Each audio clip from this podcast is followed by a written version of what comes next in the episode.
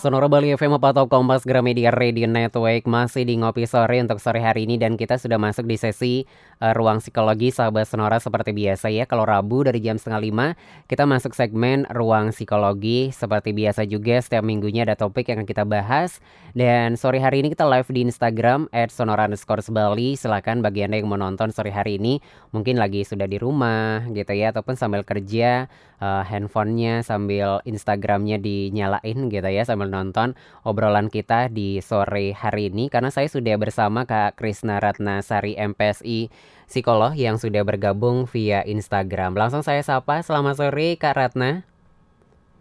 Halo, selamat sore. Apa kabar? Baik, sehat. Oke, posisi lagi di mana nih Karena Di rumah atau di mana nih? Lagi di rumah.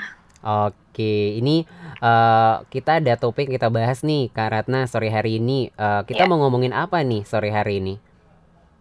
Iya Kak Joni, jadi uh, saya mengangkat topik tentang self diagnose. Nah, ini mungkin di kalangan remaja gitu ya, hmm. ya pasti nggak asing lagi nih tentang istilah ini. Tapi hmm. mungkin pada beberapa orang masih belum tahu gitu ya, belum pernah dengar mungkin tentang istilah ini Kak Joni. Oke, jadi kita akan bahas ini nih dan uh, mungkin jadi pertanyaan, boleh nggak sih uh, uh, self diagnose ini un untuk kita terapin dalam kehidupan kita sehari-hari mm -hmm. atau seperti apa gitu ya. Ini juga yang Iya, iya benar. Udah monitor dari tadi di Instagram ada Mas Riah, Mas Riah dari Surabaya katanya sore hari ini kalau di Surabaya mungkin setengah empat ya sore hari ini ya. Oke, Karatna, uh. sebelum nanti kita membahas boleh nggak sih gitu dilakukan yang namanya uh, eh, self diagnosis ini. Tapi sebelum itu, uh kenapa sih kita uh, apa ya? Karena ini tertarik untuk membahas topik ini di sore hari ini. Iya. Oke, jadi sedikit ya kenapa saya tertarik untuk membahas tentang self diagnosis ini. Nah, bermula dari uh, media sosial nih, media sosial. Jadi belakangan mungkin beberapa tahun terakhir ya, sejak pandemi ini sepertinya uh, mulai banyak sekali platform-platform uh, media sosial atau in, uh, individual sifatnya yang uh, membagikan berbagai informasi tentang kesehatan mental gitu ya. Hmm. Jadi uh, sebenarnya ini juga uh, ada positifnya, ada negatifnya gitu ya. Dan di positifnya itu tentu kita uh, di masyarakat yang paling biasanya menikmati atau mencari informasi di media sosial jadinya lebih aware atau lebih uh, sadar tentang kesehatan mental. Jadi tahu tentang istilah-istilah yang biasanya uh, kita guna, gunakan di dunia psikologi gitu ya. Misalnya uh, istilah tentang depresi itu apa, jadi lebih tahu gitu ya. Gangguan-gangguan kecemasan itu apa dan sebagainya. Jadi ketika orang uh, tahu tentang istilah-istilah tersebut, kemudian juga membaca informasi yang lengkap, jadinya apa ya manfaatnya uh, kita jadi lebih awal misalnya oh tahu nih kalau ada gejala kayak gini kayaknya aku butuh bantuan aku harus ke profesional atau sebelum itu kayaknya aku butuh bantuan teman dulu nih butuh support untuk bisa nyelesain masalahku gitu hmm. itu positifnya gitu ya nah tapi ketika ada sisi positif berarti sisi negatifnya juga ada dong hmm. kak Juni iya yeah, iya yeah. gitu ya jadi uh, uh, jadi ada kalanya orang-orang yang ketika kita menikmati informasi di media sosial itu tidak yang uh, menyerap semua informasi dengan apa ya dengan teliti gitu. Kadang ada orang yang oke okay, aku baca tentang depresi nih ada yang bagiin tentang depresi itu apa penanganannya gimana dan segalanya. Tapi kadang orang itu hanya berhenti pada baca gejalanya aja gitu. Hmm. jadi dia nyocokin nih uh, dia baca oh gejalanya gini gini gini kalau depresi kalau uh, panik gini gejalanya. Kemudian dia cocokin langsung ke diri sendiri gitu. Jadi uh, dampaknya apa? Jadinya uh, kita malah fokus oh masa sih aku nih depresi? Masa sih kok bisa ya? Gitu. Jadi dia fokus di label yang dia kasih ke dirinya sendiri. Padahal itu sebenarnya uh, ya bahayanya di sana gitu. Hmm. nah itu sebenarnya yang biasanya uh, kita sebut sebagai self diagnose atau kita menarik kesimpulan sendiri tentang kondisi kesehatan psikologis kita atau kondisi mental kita hanya berdasarkan informasi yang kita peroleh dari orang-orang atau dari teman-teman dari media sosial atau internet Hmm. Nah, itu yang kita sebut sebagai self diagnose gitu. Oke, jadi langsung mendiagnosa dirinya seperti apa dengan membaca itu gitu ya, Kak Ratna ya? Iya, betul. Iya, betul. Tanpa di cross check gitu ya. Hmm, karena yang dibaca itu cuman uh, misalnya tanda-tanda depresi langsung dicocokin ke dirinya. Wah, ternyata dari 10 iya. tanda uh, lima ada di aku berarti aku depresi nih langsung kayak gitu berarti ya Uh, uh, iya, padahal sebenarnya nggak segampang itu gitu ya. Kita ngelabel diri kita sendiri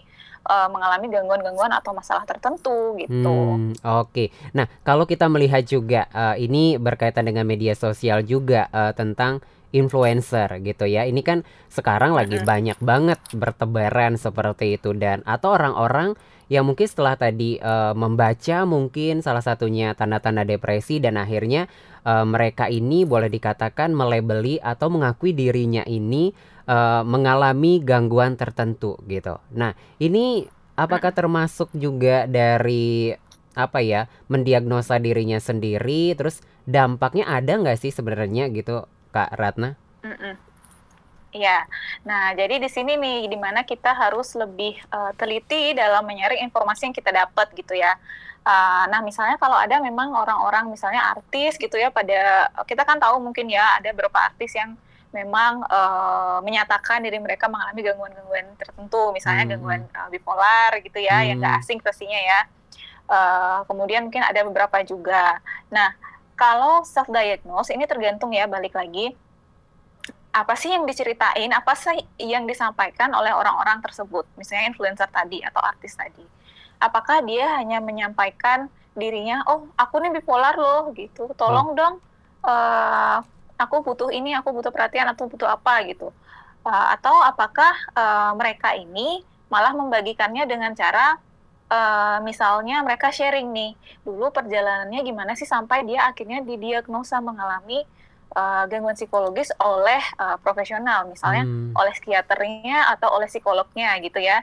Pengalamannya apa dia ceritakan, kemudian uh, dia sharingkan juga tentang uh, prosesnya menjalani terapi atau menjalani treatmentnya itu seperti apa sampai akhirnya mungkin dia bisa merasa lebih uh, stabil sekarang kondisinya seperti itu. Nah, hmm. ketika yang dibagikan adalah cerita yang uh, detail seperti itu, uh, kemungkinan besar itu adalah fungsinya untuk apa ya berbagi kepada masyarakat bahwa gangguan seperti ini bisa bisa aja terjadi ke siapa aja gitu dan eh, hal-hal uh, yang bisa memicunya itu apa gitu. Jadi tujuannya adalah untuk mungkin meningkatkan kesadaran masyarakat gitu ya atau bisa jadi juga untuk uh, memberikan support untuk orang-orang dengan kondisi yang sama gitu. Hmm. Jadi tekanannya adalah di uh, ketika dia men, uh, menyampaikan bahwa dia mendapatkan diagnosa dari misalnya ya dari profesional gitu ya berarti itu bukan termasuk self diagnose gitu ya. Hmm. Nah mungkin akan berbeda juga kalau misalnya ada orang yang uh, beberapa uh, oknum misalnya yang uh, mengatakan kalau mereka mengalami gangguan psikologis tertentu mengaku seperti itu tapi uh, tujuannya adalah uh, negatif misalnya tujuannya untuk memanipulasi orang-orang di sekitarnya. Nah, hmm. Nah, maksudnya itu adalah uh, dia mengatakan aku lo punya gangguan gini, tolong dong uh, jangan apa ya jangan salahin misalnya dia melakukan suatu kesalahan di luar uh, misalnya pekerjaan gitu, tapi dia kemudian menggunakan alasan itu untuk uh, menghindari masalah gitu misalnya itu tentu aja uh, salah gitu ya, udah itu merugiin diri sendiri, kemudian juga merugikan orang-orang sekitar jadinya hmm. gitu. Jadi itu sekali uh, kayak sebuah tamengnya dia ya untuk tidak mau disalahkan uh -huh. dengan dia mengatakan uh -huh. bahwa aku begini begini begini gitu ya. Berarti iya, betul. itu kan uh, kalau uh, boleh dikatakan uh, dampak ya yang ditimbulkan dari uh, self diagnose ini. Tapi selain itu dampak apa sih yang ditimbulkan baik untuk mereka yang uh, mendiagnosa dirinya sendiri ataupun lingkungannya juga selain juga sebagai kita sebagai temennya jadi apa ya? Uh, harus ngikutin dia gitu kan ngerugi juga. Apalagi dampak yang ditimbulkan Kak iya. Ratna? Oke, okay. uh, eh, jadi sebenarnya kalau kita melakukan self diagnose, memang uh, efeknya memang lebih banyak negatifnya ya.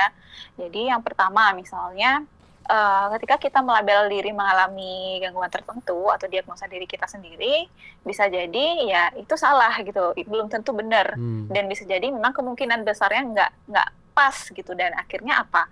Jadi penanganannya pun juga tidak pas atau kita nggak dapat penanganan yang uh, sesuai gitu. Jadi uh, contohnya nih misalnya kita uh, udah cocokin, oh ternyata aku kayaknya uh, punya gejala depresi deh gitu. Hmm. Kemudian dia cari tahu nih, dia cari tahu harus ngapain gitu. Ternyata oh kalau depresi misalnya harus harus nggak boleh uh, membiarkan diri sendiri harus keluar sama teman terus coba interaksi itu misalnya yang dia baca ya nah uh, oke okay, dia coba dia coba jalan dia paksain dirinya untuk keluar sama teman oke okay, oh kayaknya aku lebih baik rasanya tapi pas pulang-pulang uh, bingung Balik lagi, lagi ya? sedih lagi hmm. ha, gitu misalnya berarti kan itu kayaknya belum ada yang masih kurang gitu ya hmm. ada yang terlewat gitu dan itu ya, itu yang biasanya seharusnya yang diisi uh, atau dilengkapi di ketika kita melakukan uh, treatment bersama uh, tenaga profesional gitu ya. Itu contohnya.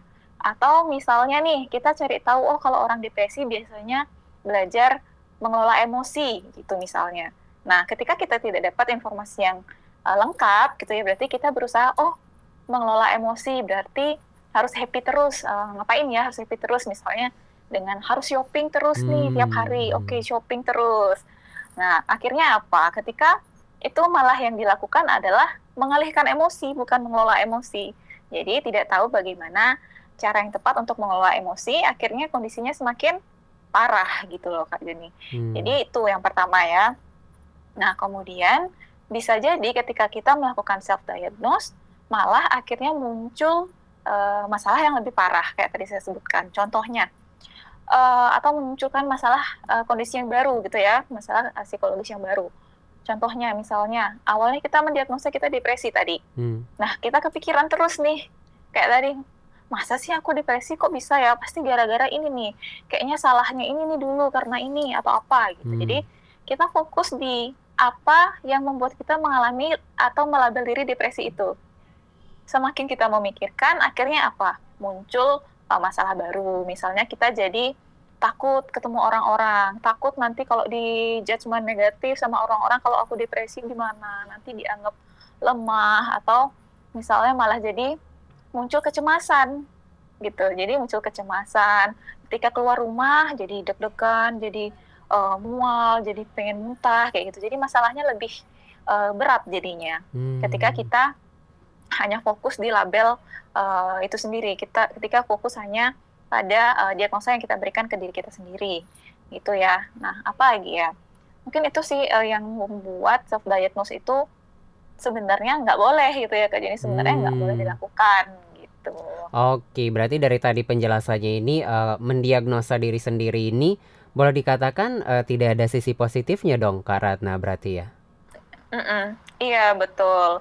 Ya mungkin uh, sebagian orang kan uh, mungkin nggak sadar akan hal itu gitu ya Kak Joni karena ya siapa sih uh, yang tahan misalnya dengan kondisi yang bingung terus nggak ada kepastian nggak tahu sebenarnya aku nih kenapa gitu pasti hmm. kan pengen uh, dapat kepastian pengen dapat kesimpulan yang terjadi ke aku ini apa ya gitu jadi pengen uh, dapat kesimpulan cepat makanya akhirnya uh, secara nggak sadar melakukan self diagnose di mana hmm. itu sebenarnya yang bahaya gitu. Oke, berarti uh, sebelum nanti sebenarnya siapa sih yang boleh memberikan diagnosa untuk kondisi kesehatan mental psikologis seseorang ataupun kita sendiri? Uh, berarti kalau misalnya, karena tadi kan kita lihat di media sosial banyak sekali uh, boleh dikatakan mungkin uh, tujuan positifnya adalah kan mengedukasi kepada masyarakat mengenai kesehatan-kesehatan mental. Tapi kita sebagai yang mengkonsumsi informasi tersebut, kalau tadi kan cuman uh, di kita lihat kayak anggap ciri-ciri dari depresi. Sebenarnya apa sih yang bisa kita lakukan ketika kita menemukan sebuah informasi di media sosial, terutama kesehatan uh, mental ini, Kak Ratna? Apa yang seharusnya kita lakukan gitu? Iya, oh, oke. Okay. Tentu kita juga nggak bisa membatasi orang-orang yang uh, mau berbagi gitu ya mau berbagi uh, untuk mengedukasi masyarakat hmm. gitu ya. Tapi tergantung ke kita sebagai uh, konsumennya kita sebagai yang uh, menikmati uh, informasi ini gitu ya. Jadi harus uh, seperti saya katakan tadi harus hati-hati dalam uh, menyaring informasi yang kita dapat. Misalnya nih kalau kita dapat informasi tentang uh, kesehatan mental yang apa apa untuk pengetahuan kita kita baca tentunya dengan teliti dan lengkap gitu ya biasanya uh, kalau yang membagikan informasi pasti di akhir itu akan menyampaikan sebaiknya jika mengalami gejala-gejala ini hmm. segera konsultasikan ke uh, profesional, misalnya ke hmm. psikolog atau psikiater gitu. Jadi uh, jangan terlalu fokus untuk uh, mencocokkan kondisi kita dengan gejala-gejala yang ada di sana. Tapi kalau memang ada kemiripan, boleh sebaiknya dikonsultasikan langsung gitu ya. Kemudian uh, sebenarnya kalau kita mau misalnya mau sharing tentang uh, kondisi ini dengan teman boleh-boleh aja, cuman balik lagi jangan sampai untuk mengambil kesimpulan sendiri gitu. Hmm. Itu uh, untuk kita sebagai uh, yang menikmati informasinya gitu ya. Tapi kalau nih kalau misalnya nih uh, ternyata kita menemukan ada nih teman kita kok dia tiba-tiba uh, bilang kalau dia ngalamin uh, ini ya misalnya dia mengalami gangguan obsesif kompulsif ya atau OCD gitu ya.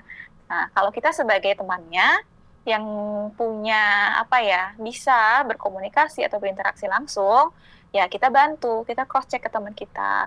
Uh, udah melakukan uh, pemeriksaan belum? Oh ternyata belum. Berarti sebaiknya kasih saran apa yang bisa dilakukan oleh uh, teman kita ini. Sebaiknya hmm. pergi ke mana gitu. Atau tapi kalau misalnya uh, orang yang membagikan uh, mengatakan atau melabel diri mengalami gangguan psikologis ini ternyata tidak di luar jangkauan kita, misalnya bukan teman kita tapi ada influencer gitu, tapi kita nggak kenal, uh, ya nggak apa-apa, kita harus kita uh, meyakininya. Misalnya kalau misalnya ragu tentang uh, itu ya udah kita nggak uh, terlalu fokus di situ gitu. Tapi kalau ternyata uh, ya nggak berarti kita boleh judgement gitu masa hmm. sih uh, kamu ngalamin gini gitu jangan hmm. sampai kayak gitu ya hmm. tapi cukup kita batasi diri kita sejauh mana kita bisa berkomentar sejauh mana kita bisa memberikan bantuan dan uh, kapan kita harus uh, apa ya abaikan gitu jadi nggak harus semua diterima gitu aja nih Hmm, oke. Okay. Berarti kan tadi udah dikatakan jelas bahwa tidak boleh kita uh, mendiagnosa diri kita memiliki sebuah uh, gangguan mental seperti itu ataupun uh, kesehatan mental kita terganggu uh, dengan kita membaca informasi-informasi yang mungkin kita bisa lihat di media sosial uh, yang banyak di-share juga di media sosial. Berarti kalau seperti itu siapa sih yang sebenarnya boleh memberikan uh, diagnosa untuk kondisi kesehatan uh, seseorang ataupun kondisi kesehatan kita atau psikologis kita nih Kak Ya, khususnya untuk kondisi psikologis ya. Jadi sama uh, halnya dengan kondisi fisik kita. Biasanya kita kalau mengalami gejala-gejala misalnya seperti demam, batuk, pilek, kita kan pasti ke dokter ya. Hmm. Nah, kalau untuk kondisi kesehatan mental itu umumnya uh, kita pergi ke psikiater atau psikolog gitu ya. Hmm. Jadi uh, itu pun uh, pasti ada proses pemeriksaan lebih lanjut. Artinya ada proses pemeriksaan yang dilakukan, entah itu ada wawancara, ada tes atau segala macamnya, dan pada akhirnya baru uh, sampai bisa mendapatkan diagnosa tertentu gitu. Hmm. Jadi bukan sekedar mencocokkan gejalanya aja hmm. gitu ya, tapi memang ada proses yang harus dilewati. Nah itu pun sebenarnya uh, perlu ditekankan bahwa yang difokuskan ketika kita melakukan pemeriksaan psikologis itu bukan dicari diagnosanya sebenarnya. Jadi bukan melabel uh, pasien atau klien dengan diagnosanya. Memang itu salah satu bagiannya, tapi kemudian fokusnya adalah untuk mencari tahu penanganan apa yang tepat ketika seseorang mengalami uh, masalah psikologis tertentu gitu. Hmm. Jadi tujuan utamanya ya mencari penanganannya supaya kita bisa lebih uh, optimal lagi, bisa pulih dari situasi atau kondisi yang dialami gitu. Hmm. Mungkin selama ini salahnya di situ ya, mungkin uh, terlalu banyak orang yang fokus di me, sampai mendiagnosa aja gitu, hmm. diagnosa dirinya aja, tapi tidak mencari tahu cara penanganannya atau tidak melakukan uh, sesuatu supaya kondisi kita menjadi lebih bagi, lebih bagus lagi, lebih optimal lagi gitu. Oke, jadi memang harus ahlinya yang mendiagnosa dan tujuan utama pun tidak untuk melebeli tentang kesehatan mental seseorang ini, tapi bagaimana nanti juga solusinya gitu ya kak ya untuk ke depannya yeah. uh, untuk kesehatan uh, uh, yeah, mental betul. seseorang ini. Nah, uh, kalau seperti itu gitu ya, kapan sih uh, boleh dikatakan waktu yang pas gitu uh, kita uh -uh. untuk yang namanya uh, pergi ke ahli ke psikolog ataupun psikiater ini dalam kondisi hmm. apa sih seharusnya kita berkonsultasi karena kan banyak di masyarakat uh, kalau ke psikolog ini masih masih banyak kalau ada gangguan jiwa baru pergi ke psikolog atau gimana gitu. Tapi sebenarnya kapan sih waktu yang tepat gitu untuk kita benar-benar mengunjungi psikolog atau psikiater ini, Kak Ratna? Iya. Nah, ini sering banget nih, sering banget eh, klien-klien di tempat saya praktek itu uh, mengatakan hal yang sama. Nah, misalnya uh, sebelumnya aku takut loh kak uh, datang ke sini karena takut nanti malah dianggap masa sih masalah gini aja nggak bisa hmm. gitu. Jadi banyak yang akhirnya memang uh, ragu untuk uh, melakukan konsultasi karena hal ini gitu. Nah mungkin uh, bagi teman-teman uh, semuanya mungkin yang lagi dengar gitu ya. Jadi ada beberapa uh, situasi atau beberapa kondisi yang bisa jadi pertimbangan kapan sih sebenarnya harus datang ke psikolog gitu ya. Uh, yang pertama, coba kita perhatikan uh, tentang apa yang kita rasakan, kita pikirkan dan tindakan kita dalam kehidupan sehari-hari gitu. Apakah ada perubahan yang drastis dari sebelumnya, dari misalnya dari dua minggu belakangan ini uh, seperti apa emosinya, pikirannya hmm, dan Uh, tindakannya gitu. Apakah ada misalnya penurunan motivasi, apakah merasa nggak ada minat uh, untuk beraktivitas, misalnya juga kehilangan minat untuk apa ya uh, menjalani kehidupan sosialnya yang sebelumnya kok kayaknya senang banget ketemu orang-orang tapi tiba-tiba uh, dua minggu belakangan ini uh, jadi males, jadi sedih terus kayak gitu. Nah kemudian apa ya pertimbangannya? Nah mungkin itu sebenarnya sesuatu yang bisa uh, kita amati gitu ya. Nah uh, sebelum misalnya nih sebelum kita akhirnya memutuskan pergi ke psikolog, ada baiknya kita untuk uh, evaluasi diri dulu. Kayak tadi, jadi kita coba deh, uh, kita sebenarnya yang kita pikirin apa sih, yang kita rasakan apa sih, gitu. Sudah berapa lama, kira-kira penyebabnya hmm. apa, gitu. Cari hmm. cari tahu dulu sendiri. Misalnya, contohnya ya, oh belakangan ini aku ngerasa kecewa, terus sedih, terus uh, pikirannya apa? Pikirannya merasa nggak berguna. Uh, terus uh, sikapnya jadi kayak gimana? Perilaku kita berubahnya gimana? Jadi oh, jadi tidur terus jadi nggak mau ketemu teman-teman kayak gitu. Terus oh, jadi susah tidur uh, susah tidur sampai begadang terus sampai pagi baru bisa tidur kayak gitu misalnya. Kira-kira pencetusnya apa? Pemicunya apa? Kita cari hmm. tahu. Misalnya oh iya ternyata karena kemarin ini aku baru aja uh, misalnya nggak lulus ujian masuk kuliah gitu, hmm. gitu ternyata tapi teman-temanku semuanya pada lulus oh berarti kita cari tahu oh kita tahu penyebabnya gitu ya hmm. jadi wajar ya kita ngerasa sedih terus nggak bisa tidur itu karena ada yang membuat kita kecewa ada situasinya setelah itu coba cari solusinya kira-kira apa yang bisa dilakukan supaya merasa lebih baik hmm. gitu ya hmm. misalnya sharing dengan teman cerita atau curhat dengan teman terdekat supaya uh, merasa lebih biringan pikirannya gitu misalnya.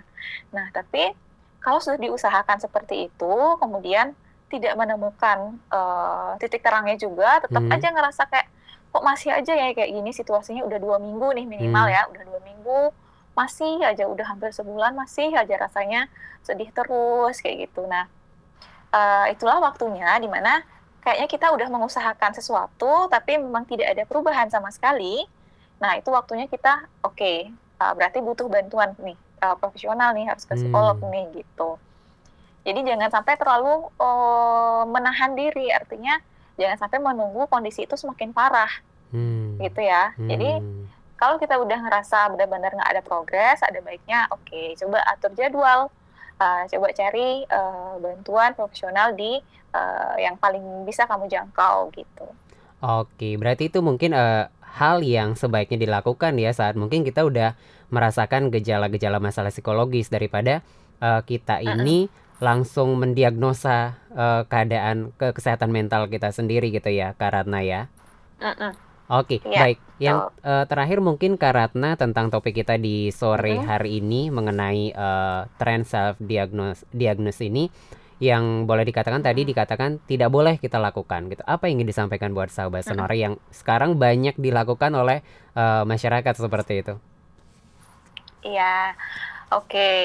uh, eh, mungkin mau mengingatkan ya, mari kita uh, lebih fokus untuk meningkatkan kesadaran diri kita tentang kondisi kesehatan mental kita bukan uh, fokus di melabel diri dengan kondisi tertentu, tapi coba kita mulai sekarang lebih uh, fokusnya di apa gitu ya, bukan fokus di kenapa, tapi fokus di apa yang bisa kita lakukan supaya kondisi kita tetap uh, stabil, tetap uh, emosi, pikiran kita dan tindakan kita tetap selaras uh, dan juga mungkin uh, apa ya uh, mau mengingatkan juga mungkin uh, ya tadi saat kita sudah merasa sudah tidak sanggup lagi menyelesaikan masalah kita sendiri, ayo nggak usah takut, nggak usah takut untuk datang ke psikolog, uh, mari melakukan konsultasi untuk lebih cepat menangani diri. Karena uh, ketika kita mencari bantuan itu bukan berarti kita lemah gitu ya malah itu artinya kita berusaha untuk kuat berusaha untuk bangkit lagi gitu ya untuk membantu diri kita sendiri bukan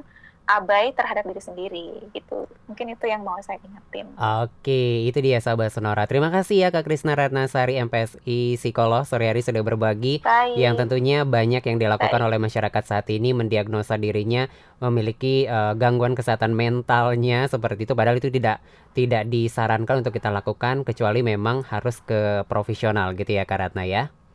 Iya, iya okay. betul. Semoga bermanfaat untuk yang mendengarkan Kak Jen. Oke, selamat sore Kak Ratna. Baik, selamat sore. Oke, sahabat sonoriti obrolan kita di sore hari ini nanti akan yang kelewatan nanti akan di sip juga di IGTV kita dan juga nanti akan diupdate di Spotify Cereja Sonora Bali 98,9 FM. Radio Sonora